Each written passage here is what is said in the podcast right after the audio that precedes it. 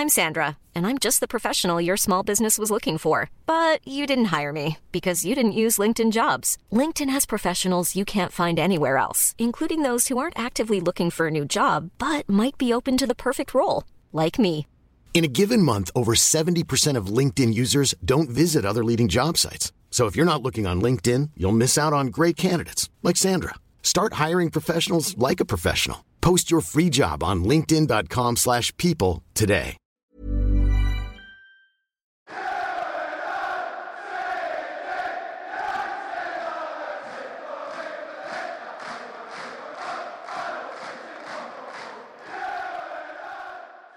Halo pendengar GGMU, balik lagi bersama kita bertiga masih di special edition di mana kita akan membahas uh, pemain-pemain yang dirumorkan uh, berlabuh di MU mau itu jadi atau nggak jadi itu urusan kedua. Tapi sekarang ini kita mau bahas satu pemain yang mana kalau apa yang gua baca di rumor di di media outline luar ya gitu kan judulnya adalah Too Good to Be True gitu yang mana gua pun ngerasa memang pemain ini baru di-linkkan sebenarnya dalam bursa musim ini baru beberapa hari ke belakang dan let's see apa yang kemudian akan terjadi karena masih panjang. Tapi gue mau nanya nih ke Saung dulu. Ketika lu dengar rumor Leon Goretzka dirumorkan untuk ke MU, apa reaksi pertama yang kemudian muncul dalam pikiran lu? Jelas Too Good to Be True sih. Too Good to Be True bukan bukan bukan berarti ini ya Too Good to Be True buat MU tapi to Be True untuk Leon Goretzka malahan.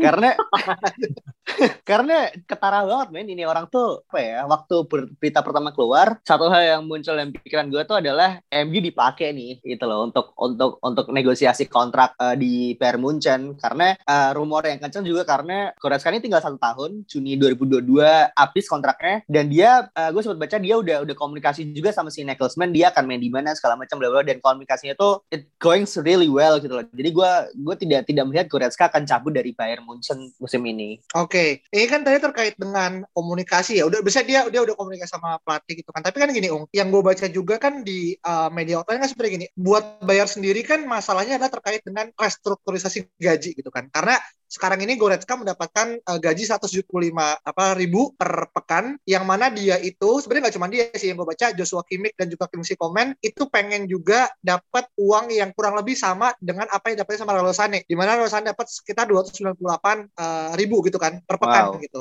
Ini perbandingannya cukup sangat signifikan ya kenaikannya gitu kan. Nah uh, dengan hal ini gitu kan gue merasa memang dia akan tetap bertahan meskipun dealernya agak sulit karena nggak cuma Goretzka ternyata gitu kan Kimmich dan juga Kom- Komen pun juga mau untuk kemudian mendapatkan gaji yang sama gitu. Melihat hal ini gitu Vin apakah lu lihat ini bisa jadi salah satu celah buat MU tiba-tiba masuk licin untuk kemudian menawarkan gaji yang dia mau nggak? Atau atau ini masih tetap jadi bola akan tetap, tetap dibayar Vin Ini sebenarnya ngingetin gue sama kasusnya kalau nggak salah Toni Kroos ya pas dia eh, pindah dari Bayern ke Real Madrid. Kalau nggak salah ya, gue gua bisa aja salah. Itu Bayern nggak mau juga bayar gaji Toni Kroos yang terlalu tinggi. Pada akhirnya dia dijual ke MU, eh, ke MU lagi ke Real Madrid. Meskipun- hampir hampir ya. hampir, hampir. Itu Hampir, zamannya Moyes ya kalau nggak salah ya. Moyes betul Iya, yang lebih pilih dia daripada pilih lebih pilih Vela ini kan daripada Cross gitu. Dan Iya. dan di situ menurut gue Iya. Bayern cukup kuat dalam idealismenya bahwa struktur gaji ini nggak boleh rusak karena satu orang gitu. Dan menurut gue sebenarnya udah rusak sejak Leroy Sané gitu loh.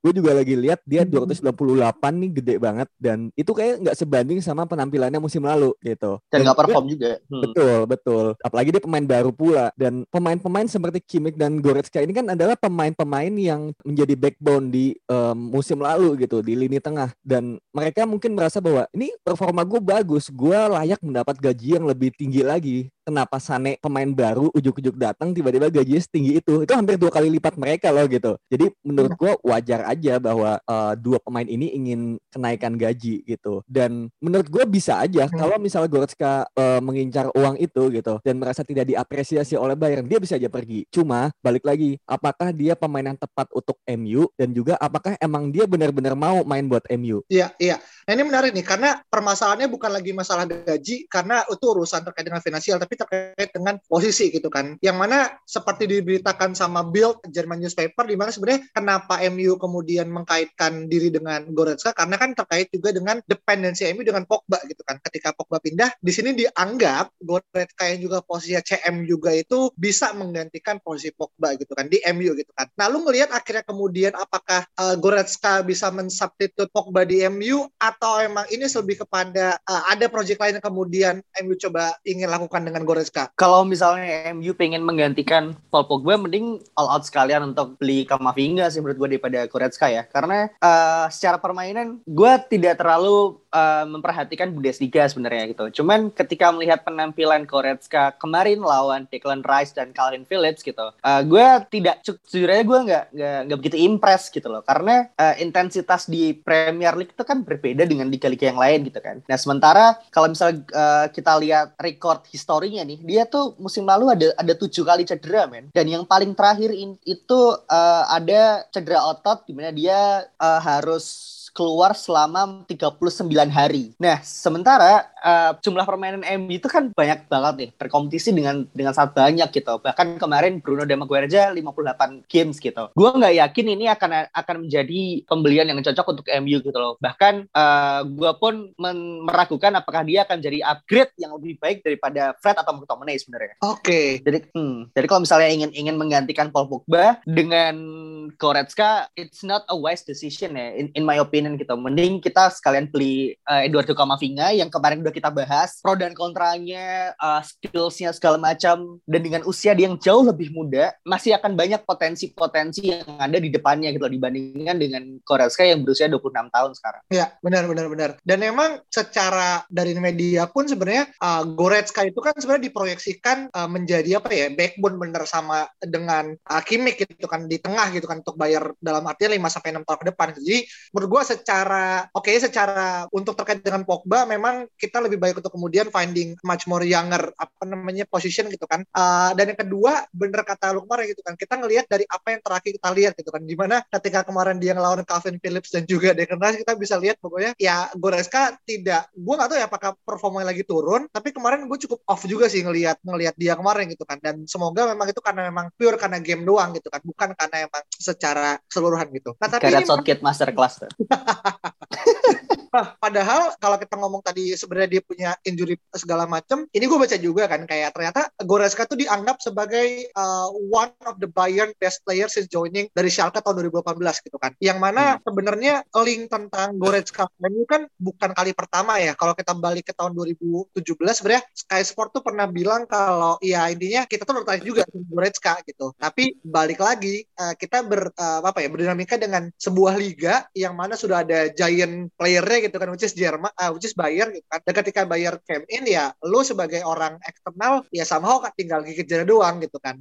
Dan itu menurut sekarang bisa terjadi lagi kita di uh, trik dua kali gitu kan sama sama Bayern gitu. Nah lu ngelihat kemudian kompleksitas ini Vin uh, dengan Goretzka yang mungkin masih maju mundur dan dia juga masih kemudian negosiasi negosiasi sama sama uh, sama Bayern juga. Apakah kemudian memainkan sorry mendatangkan Goretzka adalah sebuah kebijakan yang tepat dalam artian ini short term ya gitu kan. Kita nggak ngomongin long term gitu loh. Oke, kita ngomongin Kamavinga as long term ya. Tapi kalau short term, apakah Goretzka bisa jadi salah satu opsi terbaik? Mengingat dia sama Pogba mungkin gak, uh, umurnya juga nggak udah jauh ya. Goretzka 26, Pogba 28 gitu kan. Dan mungkin secara international exposure dia cukup bagus juga gitu kan dengan menang segala macam. Gimana akhirnya ngelihat Goretzka untuk tenggat waktu yang pendek, Vin? Kalau misalnya buat jangka waktu pendek dan um, harga yang murah ya, misal kalau kalau gue lihat di di transfer market itu kan dia market price-nya sekitar 60-an juta ya. Itu cukup mahal gitu. Mending Kamavinga sekalian benar. Dan kalau misalnya bisa potong setengah harga sih gue ambil aja gitu. Karena uh, suka tidak suka memang Goretzka ini pemain yang bagus gitu. Kemarin mungkin kalau kita lihat lawan Inggris dia tidak begitu bagus karena memang Goretzka ini adalah pemain dengan tipe box to box gitu. Beda dengan Toni Kroos yang dia sebagai passer dari belakang. Dan sebenarnya kita kan butuh pemain yang seperti Toni Kroos dibandingkan pemain seperti Goretzka. Karena kita udah punya di diri McTominay dan juga Fred. Dan juga mungkin nanti di diri Kamavinga gitu. Jadi sebenarnya kalau misalnya setengah harga pun gue masih ambil-ambil aja. Toh itu juga bakal menjadi upgrade yang bagus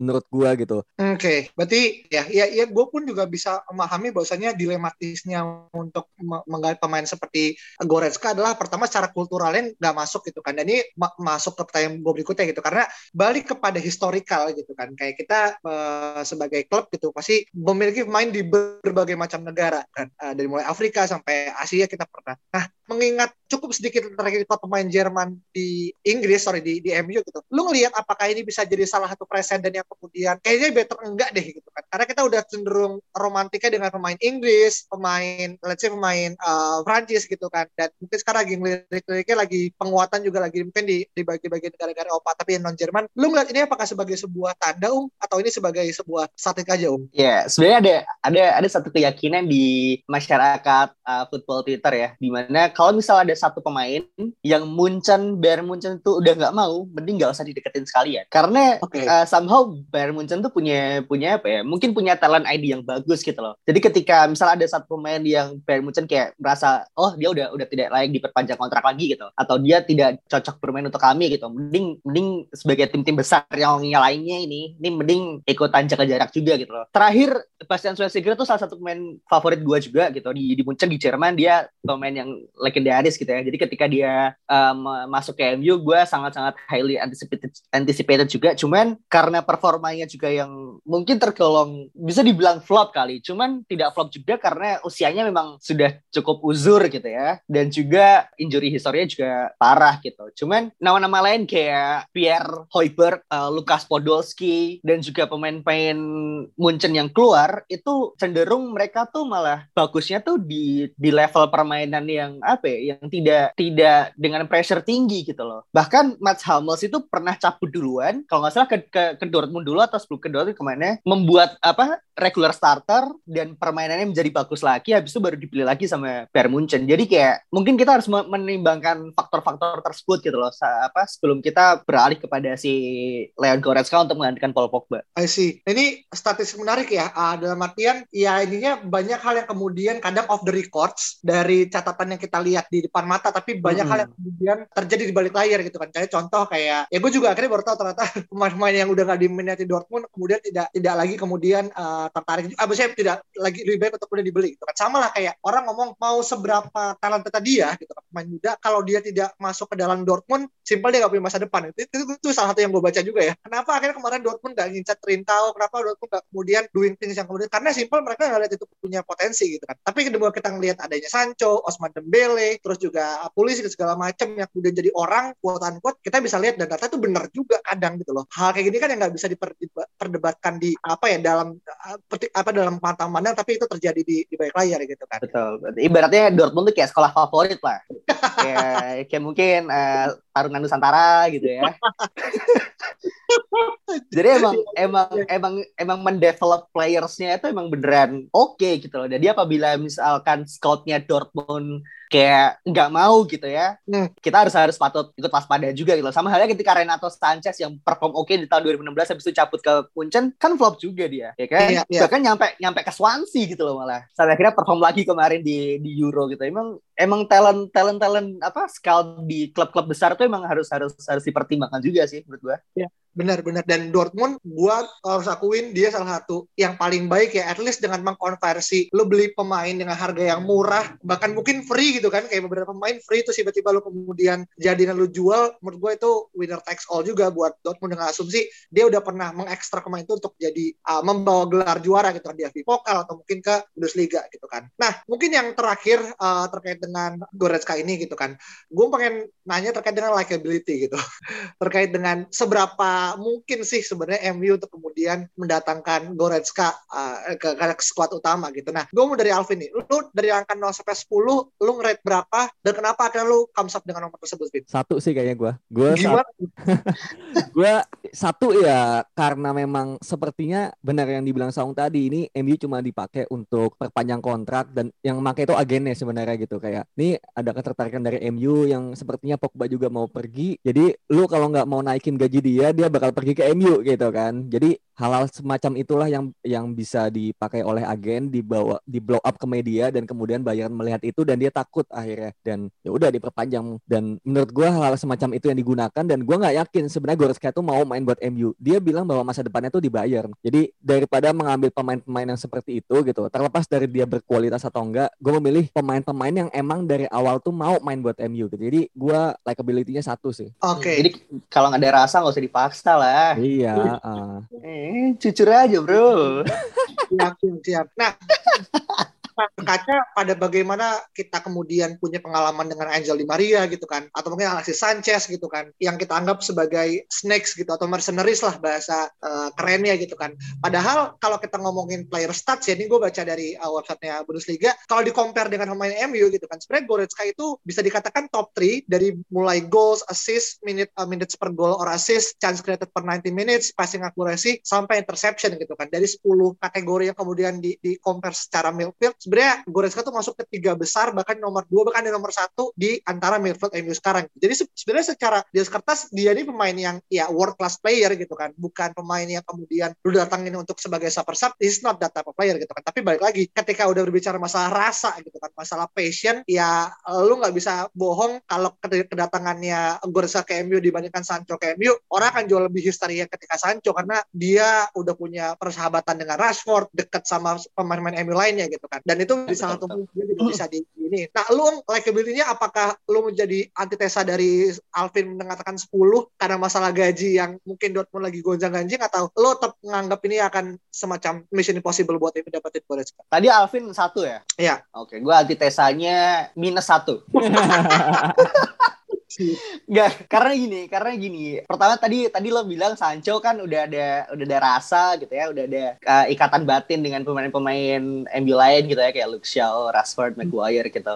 Nah, Goretzka ini di klub gak ada temennya cuy, ya kan? Gak ada temennya gitu. Sementara uh, Ole ini dan juga Manchester United itu ingin membangun klub dengan chemistry yang kuat gitu. Gue sempat baca kalau nggak salah musim lalu beberapa pemain MU tuh ditanyain gitu sama sama pelatih sama data analis segala macam kayak ini orang tuh gimana sih gitu loh. Jadi kayak ada ada second second opinion yang yang dipertimbangkan oleh manajemen sebelum dia membeli seorang pemain. Nah, itulah mengapa gue menilai Goretzka ini hanya akal-akalan agent aja gitu loh untuk untuk naikin gaji dan kontrak dia di Bayern Munchen karena simply dia tidak ada chemistry dengan pemain-pemain MU yang lain gitu kan. Dan juga itu nggak ada nggak ada rasa gitu loh. Sebelumnya bahkan tidak ada tidak ada mungkin mungkin ada ada satu dua rumor yang mengkaitkan Goretzka dengan Manchester United gitu ya. Bahkan sebelum dia pindah ke Munchen kalau nggak salah dia sempat jadi hot prospect juga sama kayak kayak kayak Harvard musim lalu gitu. Cuman ya tadi balik lagi tidak ada tidak ada chemistry yang dipertimbangkan di sini gitu kalau misalnya kita baca uh, rumor-rumor yang ada di Twitter sekarang itu kan mostly pemain-pemain yang ada ada second opinionnya nih kayak, kayak Kamavinga di France gitu kan Sancho di timnas Inggris. Jadi ada yang dipertimbangkan seperti itu.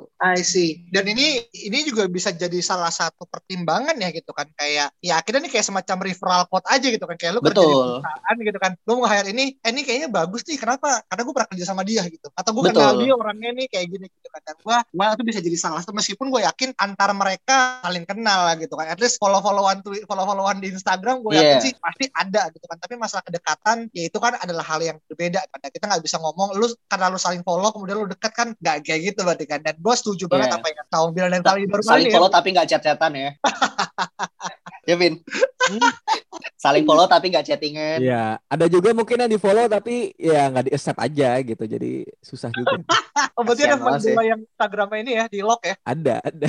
Ada ada. Ya. di lock eh follow back nggak di nggak direkan gitu Oke, oke mungkin itu terkait dengan Goretzka uh, rumor uh, the rumor has it. Dan kita lihat bagaimana kemudian perkembangan uh, dinamisme apa namanya uh, apakah MU beneran jadi atau enggak atau ini hanya sekedar apa yang Alvin sama Sawong bilang ini aja main-mainannya agen. So let's see. Dan sampai jumpa di pertemuan berikutnya. Dadah